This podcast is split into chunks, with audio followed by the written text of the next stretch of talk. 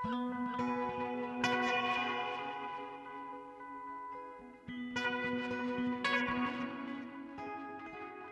sæl og blessuð, við sjá helsar á getur hlustendur 50 daginn 15. apríl.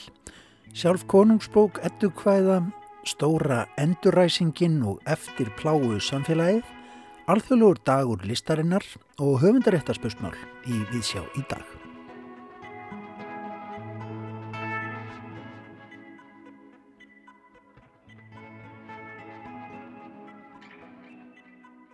Nokkrar umræður hafa skapast að undanförnu um líkindi á milli annars vegar sjónvarpstáttaraðarinnar Sistrabönd í leikstjórn Silju Högstóttur sem sínd er í sjónvarpi Símans og hins vegar leikritsins Histori eftir Kristínu Eiríksdóttur sem leikópurinn Sokkabandið frumsýndi í borgarleikhúsinu árið 2015. Kristín Eiríksdóttir hefur hingað til ekki tjáð sig ofinberlega um þetta mál en hún gerir það í Víðsjá í dag. Víðsjá hugar einning að miðlun á einu mesta menningardjásni þjóðarinnar, konungsbók Eddu Kvæða, þegar listakonan Steini Skúladóttir og Eva Maria Jónsdóttir verkefnastjóri hjá stofnun Árna Magnússonar verða teknar tali. Það segja frá verkefni sem að snýstum að miðla efni konungsbókar eddukvæða til nýra kynnslóða. Unga kynnslóðin fær sendingu frá stofnun Árna Magnússonar á miðugudagsmorgun í næstu viku en verkefnið er hluti af háttíðahöldum í tilipni þess að á miðugudag verða 50 ár liðin frá því að danska varskipið Veðren kom til hafnar í Reykjavík með konungsbók eddukvæða og flategjarbók til íslensku þjóðarinnar. Handritin komu heim.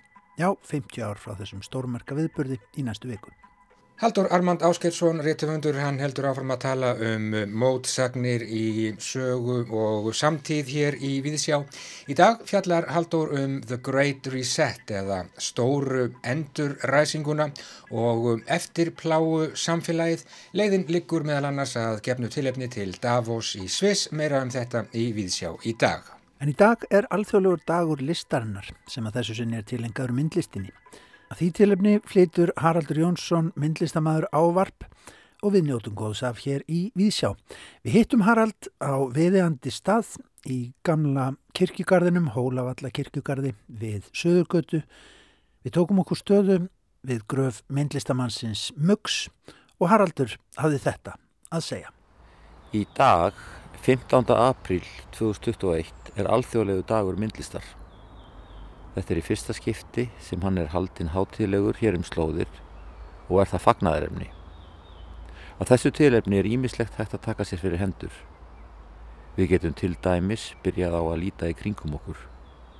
En áður en við gerum það er gott að slökka á farsímanum, allavega hann að setja hann á flugarastillingu og síðan er ágætt að nema staðar og nema staðinn þar sem við erum stött nákvæmlega núna.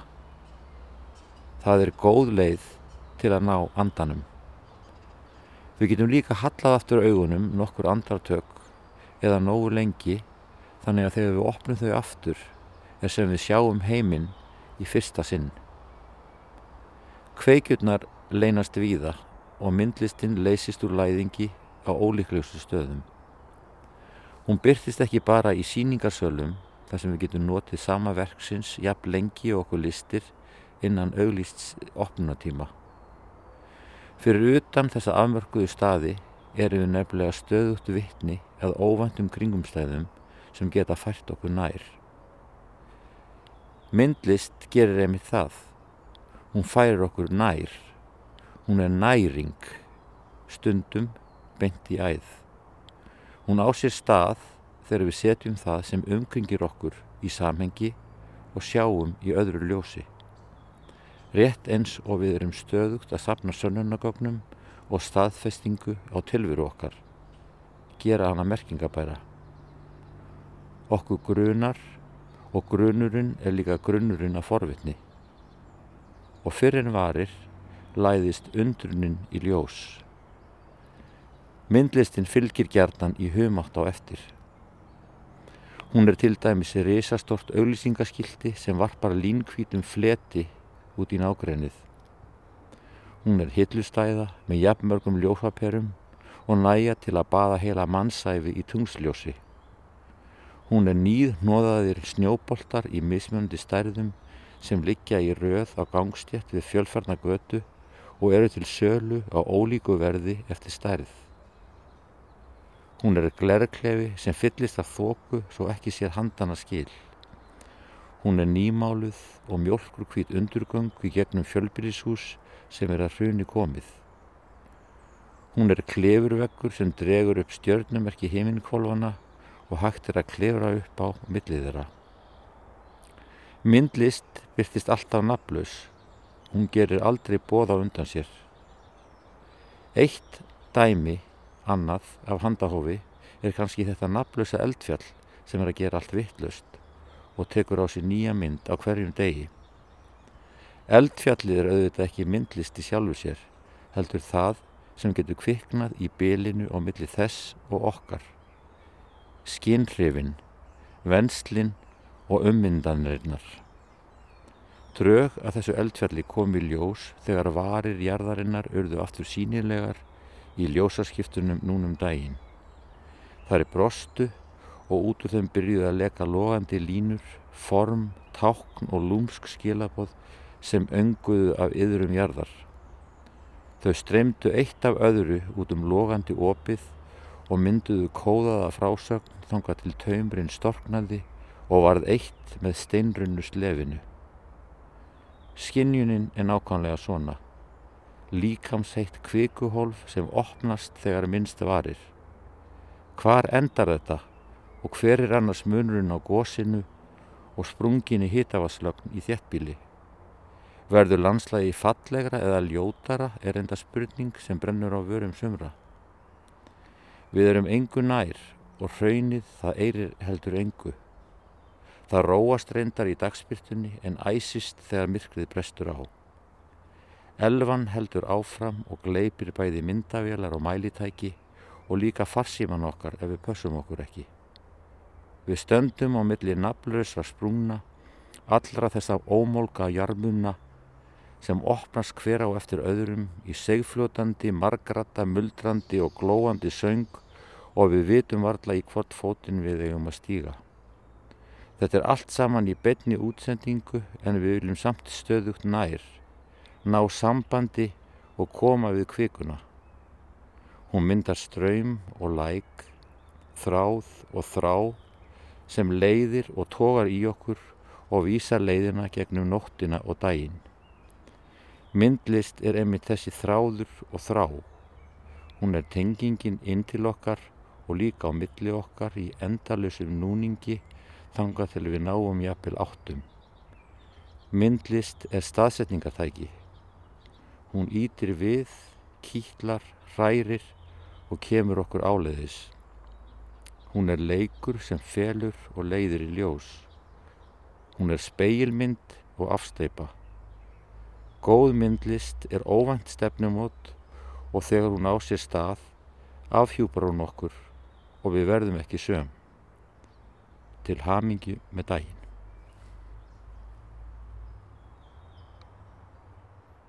Haraldur Jónsson, myndlistamæður með ávarp í tilefni dagslistarinnar sem að þessu sinni er tilengaður myndlistinni. Við hittum Haraldur við Gröf Mögs í Hólavallakirkjugarði við Suðugötu þar sem þessi hljóðrutun fór fram. Takk fyrir erendið Haraldur Jónsson. En þá að málið sem hefur vakið töluverða aðtikli í íslensku menningarlífi síðustu daga. Já, eins og áður segir þá hafa skapast að undanförnu umræður um líkindi á milli annarsvegar sjónvarpstáttaraðarinnar Sistrabönd í leikstjórn Silju Högstóttur sem síndir í sjónvarpi Símans og hinsvegar leikritsins History eftir Kristínu Eiríkstóttur sem leikópurinn Sokkabandið frumsýndi í borgarleikúsinu árið 2015. Í báðum verkonum er fjallaðum þrjár konur sem eru að burðast með þungan farangur, gamlar simdir, ofbeldisverk sem framið var á unglingsaldri. Selja Högstóttir, hún var í viðtali í lestinni hér á Ráseitt fyrir viku síðan og og þar sagðist hún meðal annars vita af þessum líkindum núna en þetta séu eigað síður tvö ólík verk sem eiga sér ólíkan innblástur. Kristín Eiríksdóttir, réttufundur, hún hefur ekki tjáð sig um þetta mál ofinberlega hinga til en það gerur hún nú og við skulum gefa henni orðið. Líkt eldgósi og harmi eru hugmyndir ekki varðar höfundarétti. Ekki hugmyndir og ekki sögur, staðrindir eða mataröfskriftir. Þannig skiptir engum máli hvenar höfundur fekk hugmynd eða hvaðan. Hvort hann fekk hana árið 2005 eða 14, heima hjá sér eða í bílinum, á Wikipedia eða á leiksýningu. Það kemur út á eitt vegna þess að hugmyndir eru samegn. Listaverk aftur á móti eru ekki í almannaegu fyrir en að minnstakosti 70 árum eftir andlát listamannsins og heldur ekki vísindagreinar eða uppskriftabækur. Það er bannað að fjölfaldaverk í leifisleysi og selja þau en ákveðnar flækjur koma upp í sambandi við aðlögun úr einu miðli annan eins og til dæmis úr leiksýningu í sjónastætti. Að segja sögu sem þú hefur séð í útgefnu verki með sömu aðferðum og vekja þannig sambarileg hughrif kostar.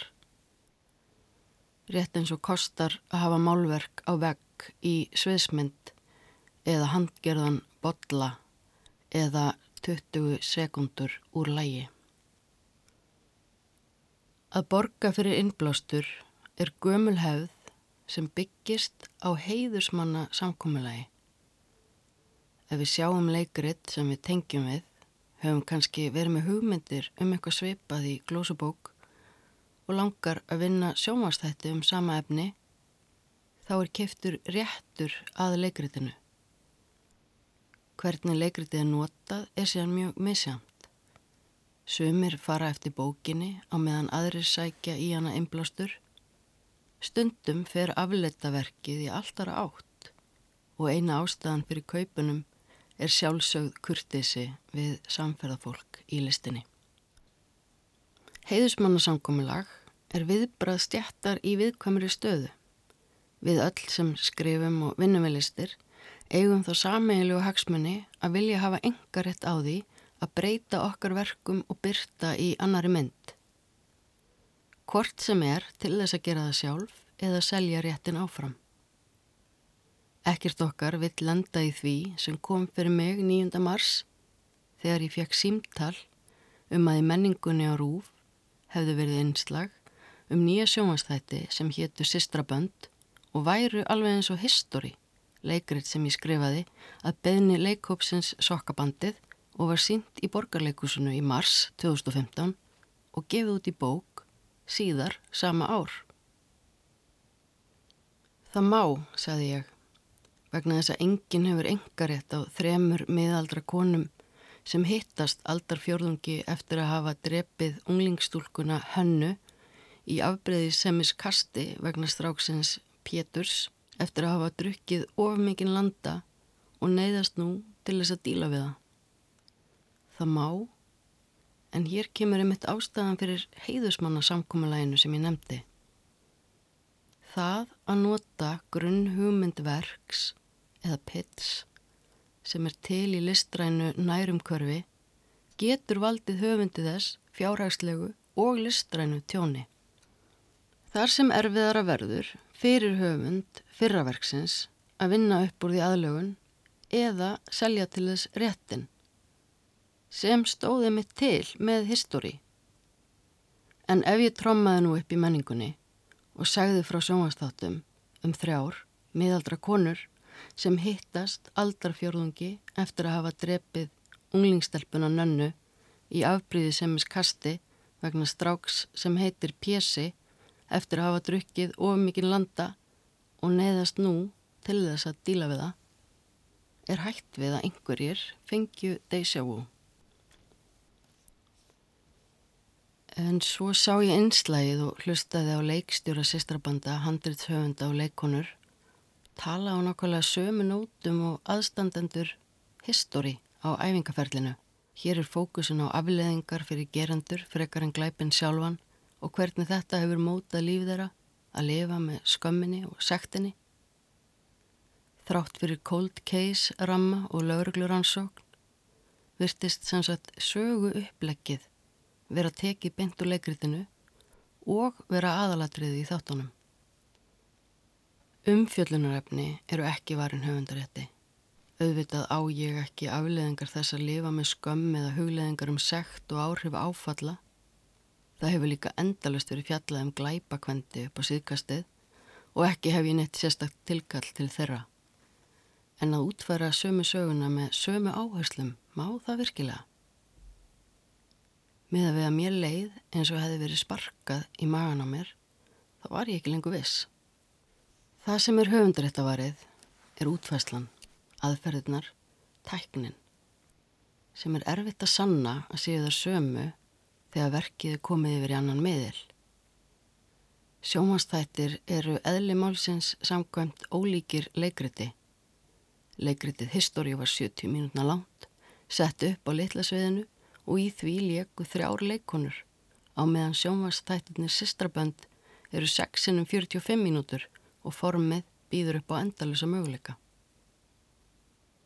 Ágættist dæmi um þetta er sena í stiklunni fyrir sjónvastættina Sistrabönd þar sem sú með drikkjuvandamálið, Karlotta, spyr Elisabetu hvort ekki sé erfitt að eiga börn eftir það sem það gerðu. Til þess að undistrykka þetta á Elisabeth Stjúpdóttur sem er jafngömmul stúlkunni sem það drápu. Þetta er hægt að útfæra mjög auðvöldla í sjónvarpi, fenginni leikona unglingsaldri sem fylgir Elisabetu í þáttunum sem hlýtur að vera tryggjurandi fyrir mannesku í svo sterkri afneitun, stöðu áminning. Í leikritinu þegar Lilja segi frá því að hún eigi börn, spyr svo drikkvelda, begga, í hæðnistón hvernig það sé að virka fyrir hana. Svo spyr hún hvað börnin séu gömul og Lilja segir henni að strákurinn sé áttara en stelpan 15. Er hún 15?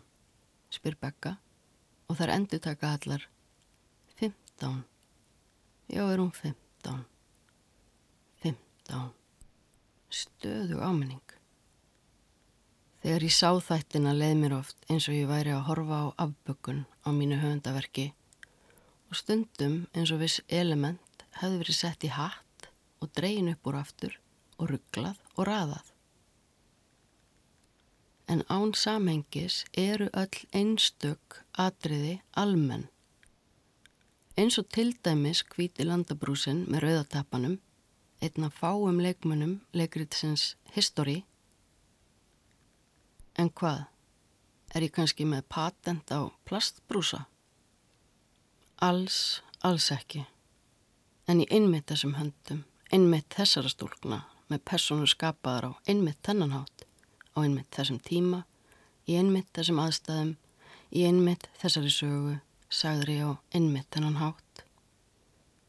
Á þessum allt of, allt of langa lista sem ég tók saman yfir líkindi eða hliðstæður milli leikritsins History og sjómanstátana Sestrabanda er samt hægt við að honum hafi verið stólið.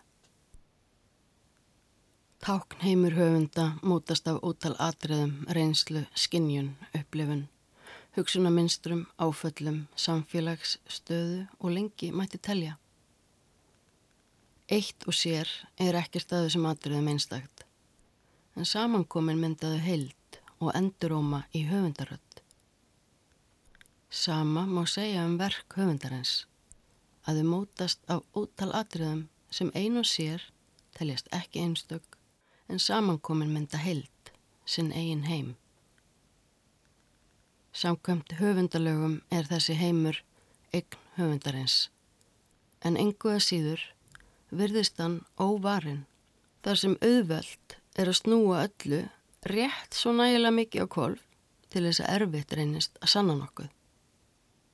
Allt gæti jú verið tilviljan og allir verða fyrir áhrifum og merkilegt hvernig hugmyndir liggja í loftinu og svo framvegis.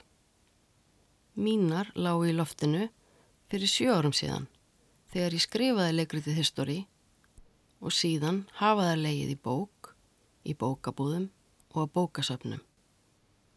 Leikritið hefur verið öllum aðstandandum sýstrabanda aðgengilegt en það var kannski sérstaklega aðgengilegt einum handrýtshöfundana, handrita þróuna stjóra sagafilm Jóhanni Ævari Grímsinni sem átti frumkvæðið að gerð þáttana þegar hann frumsýndi verk í borgarleikusinu á sama leikári og histori var frumsýnd. Kenneth Mána sem hann skrifaði í samstarfi við sögu Garðarstóttur og Björn Tós. En Jóhann Ævar hefur einmitt tiltekið í tveimur viðtölum við Klapptri og Varæti að hann hafi fengið hugmyndina síðla haust 2014. Kanski hefur hann vilst inn á vittlusa æfingu og fengið hana þar eða hýrtana á kynningarfundinum fyrir leikárið eða þegar hann heyrði söguna sárgrætilegu af bandarísku máli frá 1992. Málið fjallar um stúlku sem bar nafnið Sjanda Shearer en þegar Sjanda var 12 ára gömul voru fjóra stúlkur á aldrinum 15 til 17 ára sem myrktu hana á einstaklega hróttalega hátt að yfirluður á því og hafa þær allar setið í fangelsi meira og minna síðan.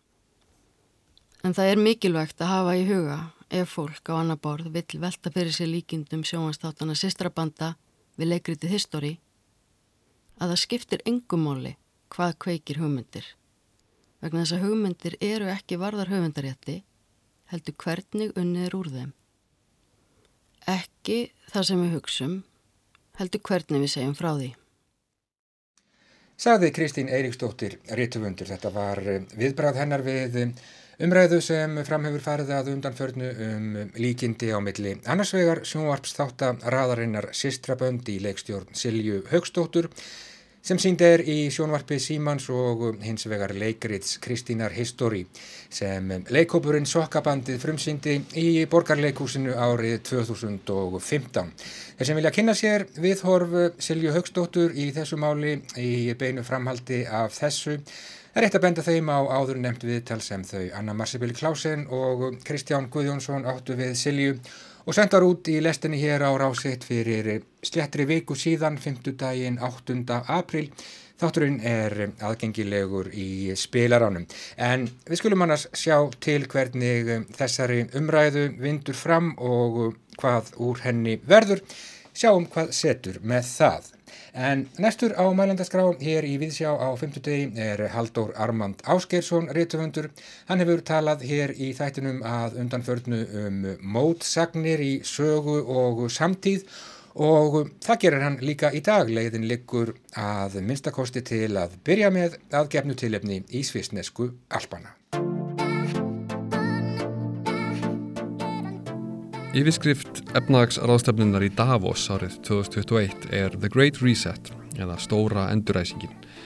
Í Davos, Alpaþorpi í Sviss, hittist í stuttumáli árlega alþjóðlegur elítuhópur 3000 viðskiptajöfra, stjórnmála leitoa, hagfræðinga, popstjarna og bladamanna og ræðir saman um það hvernig megi mjaka heiminum í átt betri tíðar. Eða þannig lýsir Davos sjálfu sér heldur. Sínískari og vissulega mínum að því raunsherri lýsing var að segja að í Davos gefi alþjóðleg stjætt miljardamæringa, þeir sem í alvörni stjórna heiminum, stjórnmálarleitum fyrirmælum það hvernig stefnan eigi að vera næsta árið. Öll skilabóð Davos út á við eru í takt til það sem hver einasta manneska getur sagt sér sjálf. Þetta eru geislandi bjart sínis áköll um mikilvægi þessa bjarga plánutinni berjast fyrir heimsmarkmiðum saminuðu þjóðana og gegnum viðskiptingu auðs, fátækt, hungursneið og svo framvegis. Allt saman skreitt myndum af brósmildu fólki á strönd í sólarlægi, glæstum heimsborgum að nóttu til, fallum ávöxtum, auk þess sem snirtilega og af mikillir fagmennsku er tikkað í öll þau bóks sem ríkjandi hugmyndatíska hverju sinni æskir. Og yfirskriftin á COVID-tímum er þessi frasi um endurræsinguna miklu Hér er átt við að heimurinn sé svolítið eins og frosinn leikjartölva og það sé komin tími til að íta á reset-takkan og blása í hulstrið. Heimurinn í heilsinni þurfi nýtt upphaf eftir COVID-faraldurinn en sumuleiðis þurfi plánetan svolítið á endurræsingu í umhverfismálum að halda eins og líka haugkerfi heimsins. Ríki heims eru núna orðin svo ævintýralega skuldsett að vilblaða að þessar skuldir verði aldrei greittar tilbaka og það er komin önnur ástæða til þess að fara á fjórafætur, skrýða tölfunni og finna reset-takkan. Spurningin er þá hvað þessi enduræsing mun hafa í för með sér og hvernig lífið verður eftir hana. Að undanförnu hafa margir rivjað upp nokkur ára gamalt allræmt myndband frá stopnuninni sem heldur utanum efnaðsraðstöfnuna í Davos og þar voru byrtir átta spádómar til ársins 2030 og fyrsti spádómurinn um það hvernig lífið verður þá var svóljóðandi. Þú munt ekki eiga neitt og þú verður hamingjusum. Og síðan fylgdu lýsingar á því hvernig við munum öll leia allt sem við þurfum árið 2030 og fá það síðan sendt heim með drónum. Eitthvað segir manni að þessi drón muni þá svífa til manns úr mannlausiri Amazon-vesmiðu þar sem allt er sóttreinsað og velrænt. Þetta fekk mér til þess að hugsa til þess þegar félagi minn sæði mér frá því um daginn hvernig hann fyldist með starfsmanni bakarís þvó hendur sínar eins og hann hefði fengið yfir sig geislaverkan úrgang eftir að það var tekið við alvöru seðli úr hendi félaga míns fyrir ostaslaufu. Mannleg snerting og þar með nærvera er nú orðinað viðvarandi hættu og fjárhagslu hagsmuninir sem félast er því að við halda þessum óta eru augljósir, alveg eins og átti til dæmis við með stríð gegn hriðiverkum í upphafi aldarinnar. Það fylgdi ekki sögunni hver mun eiga allt þegar við verðum allslaus og hamingisum árið 2030. En svara við því likur hins vegar í augum uppi. Það verður fólkið sem bjóð til minnbandið. Ég lasi einu svona gott kvót í bandariska rítuhundin Thomas Pynchon sem hefur ekki sérst á ljósmynd í hálfa öldi eða svo. Tillitnurinn er svona Paranoia is the garlic in life's kitchen. You can never have enough. Eða Vænisíki er kvítlökurinn í eldhúsi lífsins. Þú getur aldrei haft of mikið af henni. Þessi pælingum endurræsinguna miklu hefur vakið talsverðan ugg, einhver kynna að segja vænisíki eða ofsóknarbrjálaði hjá ólíkum þjóðfélagshópum. Þeir óttast að þegar valdamesta fólk í heiminum, miljardamæringanir í Davos og pólitískar hjálparhællur þeirra, sér eins og það hefur verið orðað einstakt tækifæri í heimsfaraldri til þess að endurræsa heiminn, þá munir það fyrst og fremst felast í því að endur stilla efnagslegar forsendur heimsins þannig að það vangi hag þeirra sjálfura. Til dæmis með því að svifta almenning öllum eignum og leia fólki síðan allt sem það þarf með aðstóð sjálfvirkra dróna, allt saman undir því yfir skinni að þetta sé umhverfisvænt, örugt og sóttreinsað og í harmoníu við sjálfbærni markmið saminuðu þjóðana. Já, það besta við fátækt er hvað hún er græn. Það er yfirleitt ríkt fólk, hinn umhverfis meðvitaða rafbíla borgarastjætt sem er hvað uppteknust á því að segja öðru fólki hvernig það á að haga sér í umhverfismálum og þessi tilneying nær svo lógísku hámarki sínu í Davos þar sem auðkífingar fljúa og kólefnisjöfnuðum engaþótum til Sviss til þess að þykjast tala um plánetu hjálpræði. En eru það ekkit um að samsæriskenningar og óþarfa vænisíki en það var áhugir af því hvers konar heimur mun verða til eftir faraldurinn eða þeirri staðrind að valdamesta fólkið sér í honum einstakt tækifæri til þess að íta á endurræsingar nappin. Eins og viða hefur komið fram hefur miskipting auðs aukist mikið síðan faraldurinn hófst og er þá mikið sagt. Þá þarf ekki að vera þjakar af neitt sérstaklega miklu ofsóknarbrjálæði til þess að sjá að tæknirísar og alþjóðlega eftirlitsfyrirtæki munu nýta faraldurinn til þess að seilast lengra inn í engalíf okkar undir því yfirskinni að snertilaus stafræn tækni sé ekki líðhilsu ógn auðvugt við til dæmis fólk með sæðlægin í bakaríi. Hörmungar og hamfarir hafa áður verið notaðar til þess að koma á breytingum í þáu alþjóðlegs stórkapitalisma eins og Naomi Klein hefur fjallað velum í bóksinni um The Shock Doctrine. Stríðinu gegn hriðverkum fylgdi meiri háttar breyðsíðu árás á persónuflelsi fólks og engalíf og því sama mun gerast núna, ekki síst í ljósi þess að óttinn er markfalt meiri í þetta sinn. Ég veldi þessu upp núna, ekki síst í ljósi þess að maður verður sífælt meira varfið það að tala sér um mannréttindi fólks eins og forréttindi Svo var tíðin þegar lögfesting slíkra réttinda þótti ekki aðeins meiri háttar framfara skref, heldur mikilvægur vitnisspörður um það hvers mannsandinn er megnugur. Síðustu ár hefur verið algengt að tala sér um tjáningarfrelsi eins og það feli fyrst og fremst í sér úreldan og ofbeldisfullan rétt miðaldra kvítra kallmanna til þess að spúa fordómum sínum eða hatri yfir aðra. Þetta byrtist hvergi skýrar en í þeirri ákvörðun að loka á helsta samskipta tól fyrirverandi fórseta bandarækina sem fekk 75 miljónir atkvæða í síðustu kostningum. Hér á landi hefur síðan borið talsvert af því í umræðinni að það eigi hreinlega að loka landinu og einangra það fyrir öllum þeim sem gætu mögulega borið hættuna hingað heim, hvort sem það eru góðstýrstir ferðamenn eða nöðstatir í leitað betra lífi og jáfnframt sé það einlega hálf fáránlegt að það sé einhverju lögjöf að þvælast fyrir því hvernig yfirvöld geta nöðungar vista fólki þá sótvorna. Maður fær á tilfinninguna að það sé reynlega útbreyt skoðun að stjórnarskrár bundin réttindi og mannréttinda sáttmáli Európum séu meiri áttar klöfaskapur. Það sem ég finnst kannski einna mest ókvíkjandi sjálfum er hversu sjálfsagt yfirvöldum hér á landi sem á annar staðar virðist finnast það að standa fyrir mestu mannréttinda skerðingum lífveldisögunar. Það er ekki sett inn einir fyrirvarar eða því nokkuð stað að líst yfir að skerðing mannréttinda sé reyndar mjög alvarlegt mál og að slíkum undatekningum verði aflétt eins hratt og öruglega og auðið er þegar ástandi leifir, að mikilvægt sé að viðhalda hér samfélagi eftir pláu sem er opið, frjálst og frjálslind og stýrist ekki af óta, harfstjórn og umburðarleysi og svo framvegs. Það ber ekki á neginu slíku.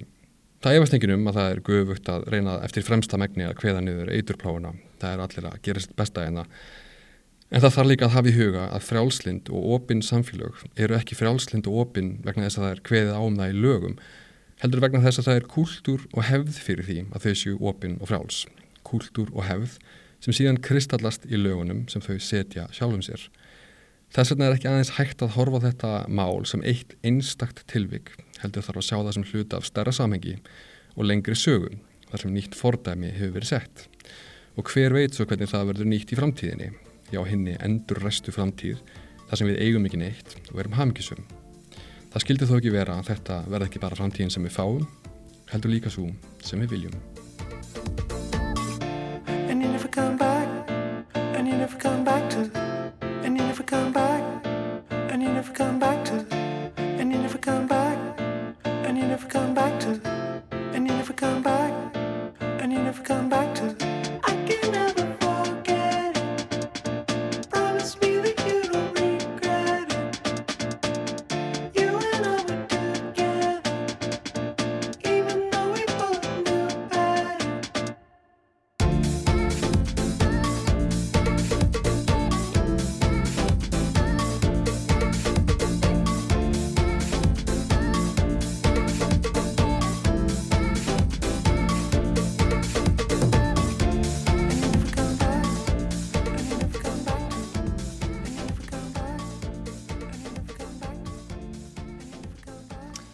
Já, Haldur Armand Áskersson og hinn endur ræsta framtíð, mótsagnir í sögu og samtíð.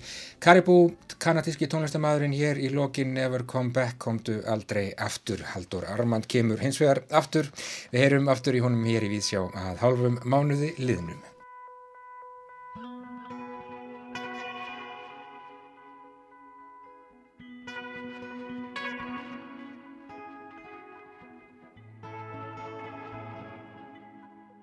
Við erum komin hérna inn á bókastofu í stofnun Átna Magnússonar. Það eru verðulegar bókastofur auðvitað og við erum sest hér inn í eina. Eh, með mér sítja hér Steini Skúladóttir, listamæður og Eva Maria Jónsdóttir, verkefnastjóri hjá stofnuninni. Við ætlum að þess að ræða hérna, afmæli sem er framöndan vegna þess að í næstu viku, á miðugudagi næstu viku, þá eru 50 ár slett liðin síðan að Varskipið Veðurenn kom hérna með viðhöfn til hafnarinnar í Reykjavík. Það voru þúsundur við hafnabakkan til þess að taka á móti þessum tveimur handritum, konungsbók, eddukvæða og flategabók. Kom með mikill viðhöfn til landsins og maður eiginlega átt að sé valla á því hvað þetta var stort augnablík vegna þess að ekkert okkar var komið í heiminn. Það munar enda rosalega litlu veit ég að hérna, Eva Maria er ekki náma fjórum dögum yngri en, en þessi viðbörður uh, en við áttum okkur kannski ekki dáði hvernig hérna hvað þetta skiptir miklu máli. Hvað segir þú Steini að, að hugsa um þetta sem viðburði í Íslandsvögunni þegar þessar bækur kom til lands? Einmitt, nei, ég sko þegar ég kom inn í þetta verkefni þá, einmitt, var byrjað að segja mig frá þessum, uh, þessum viðburði fyrir 50 árum og ég, bara, ég hafði ekki hugmynd um þetta sko. En svo þegar maður er búin að, einmitt, vinna eins í þessu og þá hitta fólk sem varðarna og eitthvað svoleiðist, þá eru bara, já þetta var alveg bara rosalegt dæmi. Já. Ég var einmitt að tala við Bóa Ágússon og Jóhannu Vítissi og þau voru einmitt að segja að þetta var bara eins og þegar handbóltalandsliði kom þú veist, eftir að þau hefðu verið fengið silfur í hérna olimpíuleikunum. Var, þannig var stemmingin niður á höfn, sko. Og eiginlega sinnum tveir eða þrýr líklega. Já, öruglega. Það er bara þetta, hvað þetta var rosalega mikilvægt og það, mér finnst það svo gaman einmitt að sjá, bara já, auðvita. Þú veist, bara, og einmitt, Íslandinga búin að, hvað reyna að fá þannig í 70 ár, reyna að fá þessi handrit svo loksins komaðu, einhvern veginn. Og uh, við skulum fylgjast með því sem gerist. Veðurinn er nú að koma hér upp að uh, bryggjunni, dráttarbátur tilbúinn að aðstóða hann. Og uh, það er, má segja, háttíðar blær á öllu. Öll skip eru fánum prýtt á götum borgarinnar. Eða það sem ekkið verður um á eftir eru fánar. Og uh, þar er uh, Sko ef að þú þarna fjórum dögum yngri, náttúrulega heldur ekki með þennan, með þennan samanbörð uh, en við erum með þetta fyrir framann okkur eftir gerð að konusbúk eða hvað. Þeir eru alltaf að halda upp á hana í, í kringum þetta amali, auðvitað náttúrulega báðar bækurnar en, en, en þessi er, þó hún sé ekki mikilvægstum, við erum hérna með einnamóti einum endurgerða af bókinni hérna framann okkur, þá, þá er hún rísa stór, þetta er enginn smávegis heimur. Akkurat, hún lætur lítið yfir sér en svo er hún opnuð og lesin og þá er bara heimsmynd uh, fornra norrætna manna þar að finna og þetta er heilegasta verki sem lýsir þeirri heimsmynd. Og það er ekkert smáraði að við, okkur sé falið að varveita bókina sem varveitir bestu upplýsingarnar um heimsmynd norrænu gu guðana en auðvitað var mjög leiðilt að missa þessum viðbyrði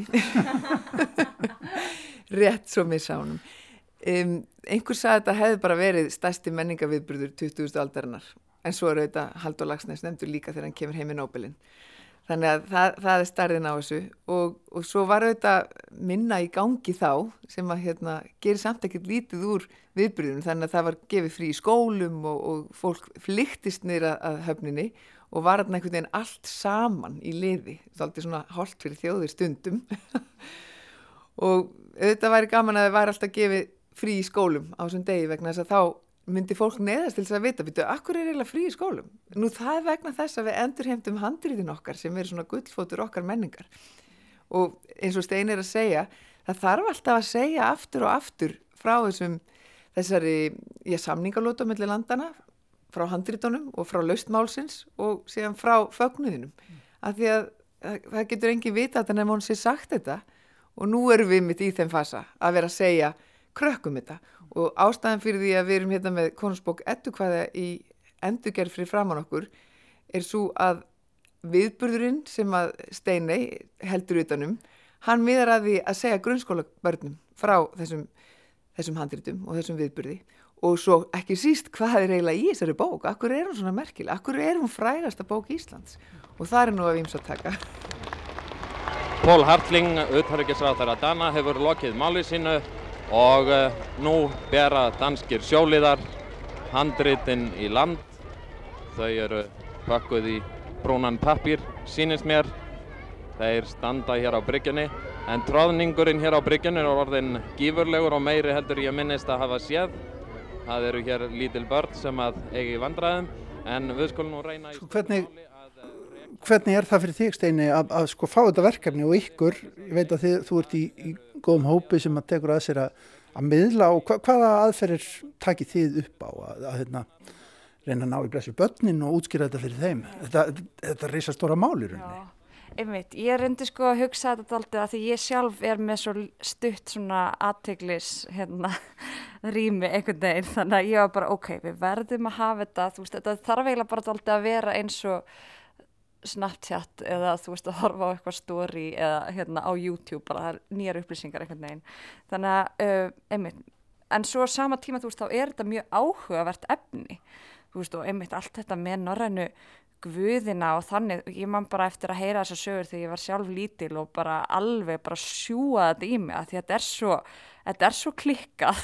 Og maður bara hvernig dettur fólki í huga að, eitthvað, þú veist, að hérna og svo hérna var Loki og hann eignaðist bann með hesti og maður bara, ha? Hver var bara, já þetta, þetta er það sem mun gerast í þessari sögu. Þetta, já þetta meikar sens, einhvern veginn. Þannig að það er einmitt, það er þannig sé auðvelt að miðla einhverju sem er svona áhugavert sko, en svo sama tíma þá hugsaði ég á, þetta verður samt að vera svona daldi uppbrót að fá einhvern veginn mismunandi mismunandi fólki í þetta, að fá líka að sína hvað þetta er, þú veist, okkar allra einhvern veginn, allra Íslendinga bara úr öllum samfélagshópum öllum aldurshópum einhvern veginn. Og já, þá bara svona ég veit ekki hversu mikið ég á að segja sko hvað verður, er, það ekki aldrei sem þarf bara að koma í ljós? Danmörk, lengi lífi. Ferfælt húra, húra Húra Húra Húra En það verður sem sagt dagskrá á miðugudaginn, 21. á ammælistegin sjálfum. E, streymi í sjónvarpinu ekki satt og, og, hérna, og þar beint er... á undan, beint á undan sko upplýsingafundinum Já. hjá, hjá þríekinu þannig að mjög góður, flottur tími þannig kljóðan tíu um morgunin Ok, já, það er alveg búin að negla ykkur saman með það. En, en, en, en þið hafi verið að skoða þetta í rauninni líka í samstarfi með börnum, eða ekki? Vinna, vinna ákveðna hluti inn í þessa dagskrá með, með börnum sjálfum, ekki satt? Hvernig, hvernig líst þeim á þetta? Já, sko, þetta er náttúrulega búið að vera mjög mikið fram og tilbaka út af COVID, bara hvað megum við gera, hversu mikið af fólki megum fá uh, og það var upprunalega hugmyndin og kannski ætti Eva frekar að vera að segja frá því, en það var að, og sem að gerðist síðan, er að uh, krakkar í grunnskólum fengur segðan verkefni að búa til sín eigin handrit og væri svona smá samkeppni í því. En svo náttúrulega kom samkominnband bara fyrir, þú veist, þremur vikum og þá bara allt hérna gáttu við ekki, þú veist, það átt að vera velunaháttíð. Þannig að það var ekki hægt að einhvern veginn gera það lengur af því að það bara var komið ómikið af fólki. Uh, þannig að uh, einmitt, það verður, nú verður það á netinu en þessi umfjöllin öll um sagt, bókina, konungsbók ettu hvaða verður þarna í streyminu. Þannig að við erum ekki beint með krökkunum að gera það. Það var meira svona að tengja við börnin í okkur sjálfum. Það er, það er alveg nöðsynlegt inn á milli. Má ég aðeins koma inn á krakkalutan? Já. Við hugsaðum þetta einhvern veginn frá upphafi þannig að við værum að vinna þetta fyrir börn þannig að við byggum til verkefni sem heitir handritin til barnana og það hefur alveg verið í gangi uh, allt síðasta skólaár þannig að við höfum verið að senda svona fræðara uh, þá Snorra uh, Másson og Jakob Birgisson í skóla viða um land tala um handritin, tala um Átna Magnússon tala um sögurnar og svo framvegis. Og síðan var það upptakturinn að því að hvetja krakkarna til að upplifa það sjálf. Já, hvernig er að, þú veist, ég er með fullt af hugmyndum á ekki að skrifa eitthvað nýra á blað eða komið sem einhvern veginn frá mér í eitthvað fast form, bara eins og fólkið á miðaldum gerði. Það heyrði einhverja sögur, skrifa það niður eða, eða, eða bylla eitthvað með, bætt einhverju við, aðalægaði sögurnar að sínum húmor og smekk. Og, og að fá krakkana til að í raun og veru grípa hugmyndir úr loftinu og koma í fast form, samena hug og hönd.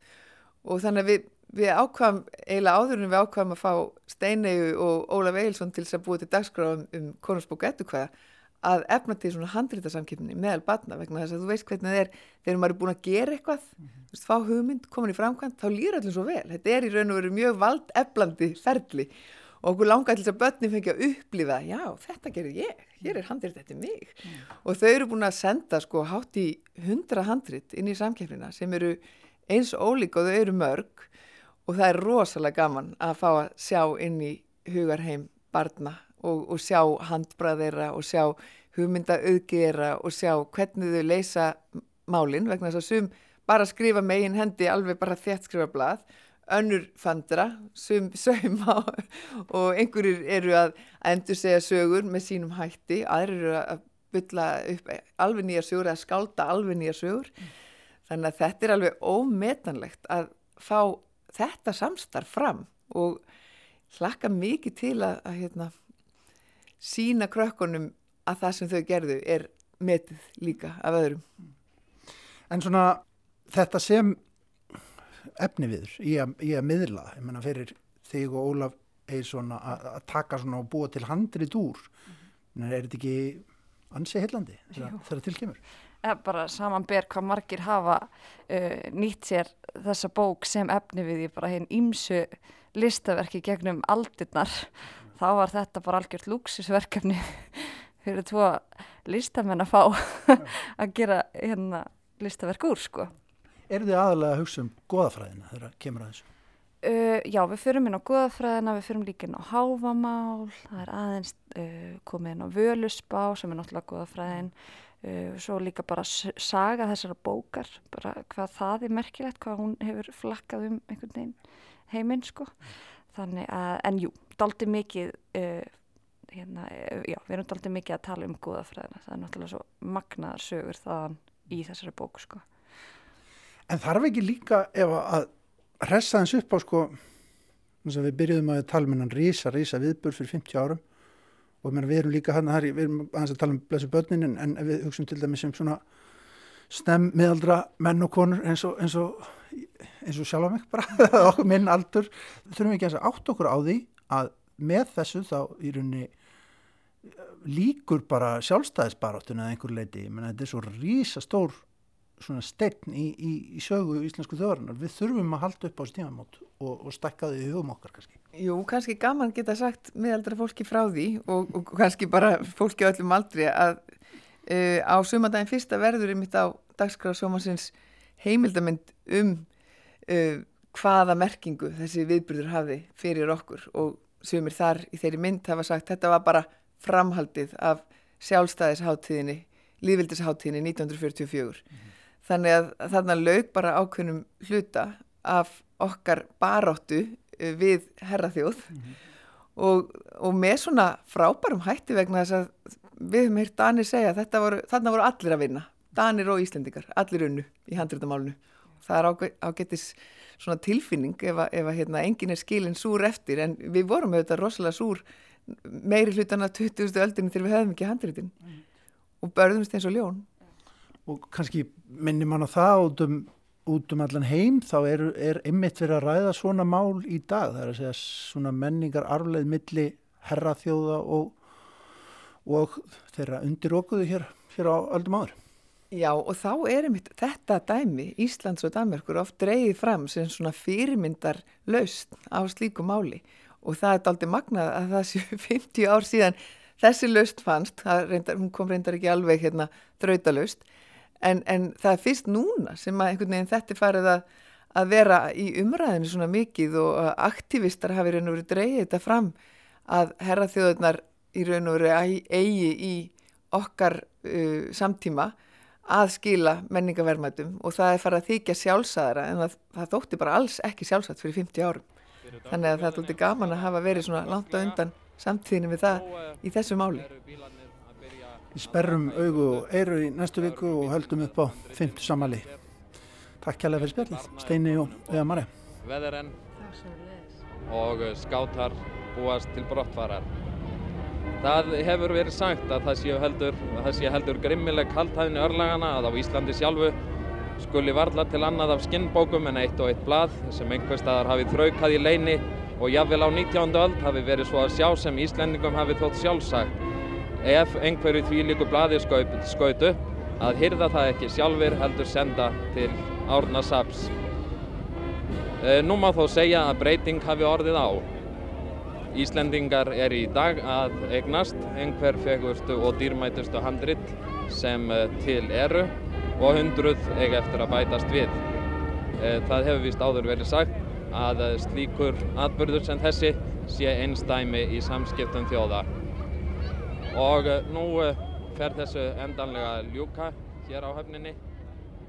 Þannig heyrðum við fréttamannin Átna Gunnarsson lýsa atbyrðum á Hafnabakkanum í Reykjavík 21. mars 1971 þegar að danska varskipið veðurinn kom með þessa dýrgripi. Flateabók og Konungsbók ettukvæða til landsins. Við bendum á þessa útsendingu klukkan 10 á miðugundagsmorgun í næstu viku Menta og menningarmálar á þeirra hefur vist mælsti þess að eh, skólaböll landsins taki sér stund frá og horfi á þessa útsendingu kl. 10 á miðugudagsmorgun sem heitir einfallega Handritin til ykkar. Listamenn og skemmtikraftar taka höndum saman um að kynna helsta dýrgripin konungsbók eddukvæða fyrir unga fólkinu. Steini Skúladóttir sem við rættum við þarna mun halda utanum dagskrána en eh, Einnig verða veittar viðkenningar fyrir famúsgarandi ungmennahandrit í samkjafnin sem við heyrðum af þarna. Kvöldið eftir á fymtudeginum að kvöldi sumandagsins fyrsta verður á dagskrá sjónvarsins heimildamindin Handritin Veskú þar sem að þessir merku atbyrðir fyrir hálfröld síðan verða raktir í máli og myndum. Dagskrafgerð þar er í höndum Kristjáns Kristjánssonar og Ragnheðar Tostensson. En við munum hér í viðsjá í næstu viku eflust eitthvað minnast frekar á þessa merkuatbyrði.